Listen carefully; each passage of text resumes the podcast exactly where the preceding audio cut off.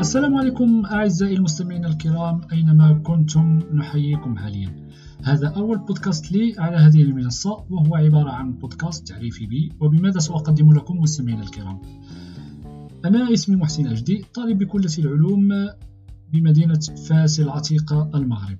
حاصل على شهادة الإجازة في البيولوجيا وحاليا أتابع دراستي بسلك الماجستير تخصص بيوتكنولوجيا إيكولوجيا وتثمين الموارد الطبيعية. من بين هوايتي التصوير الحياة البرية لا لشيء إلا لفهم ميكانيزمات عمل الطبيعة من البكتيريا إلى النبات إلى الحيوان والعلاقات التي تربط بينهم بمعنى فهم الحياة. ما سأقدم لكم أعزائي المستمعين عبارة عن كوكتيل. سنسافر معا على سفينة بدون ربان أو قبطان من عالم البيولوجيا إلى الفيزياء إلى أم, الف... إلى أم العلوم الفلسفة. ثم.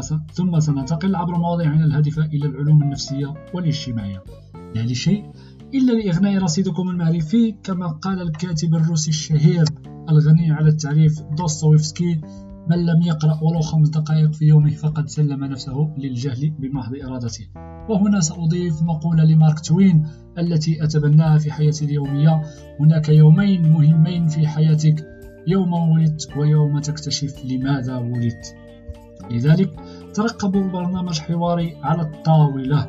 لذا سنسافر جميعا على تلك السفينة.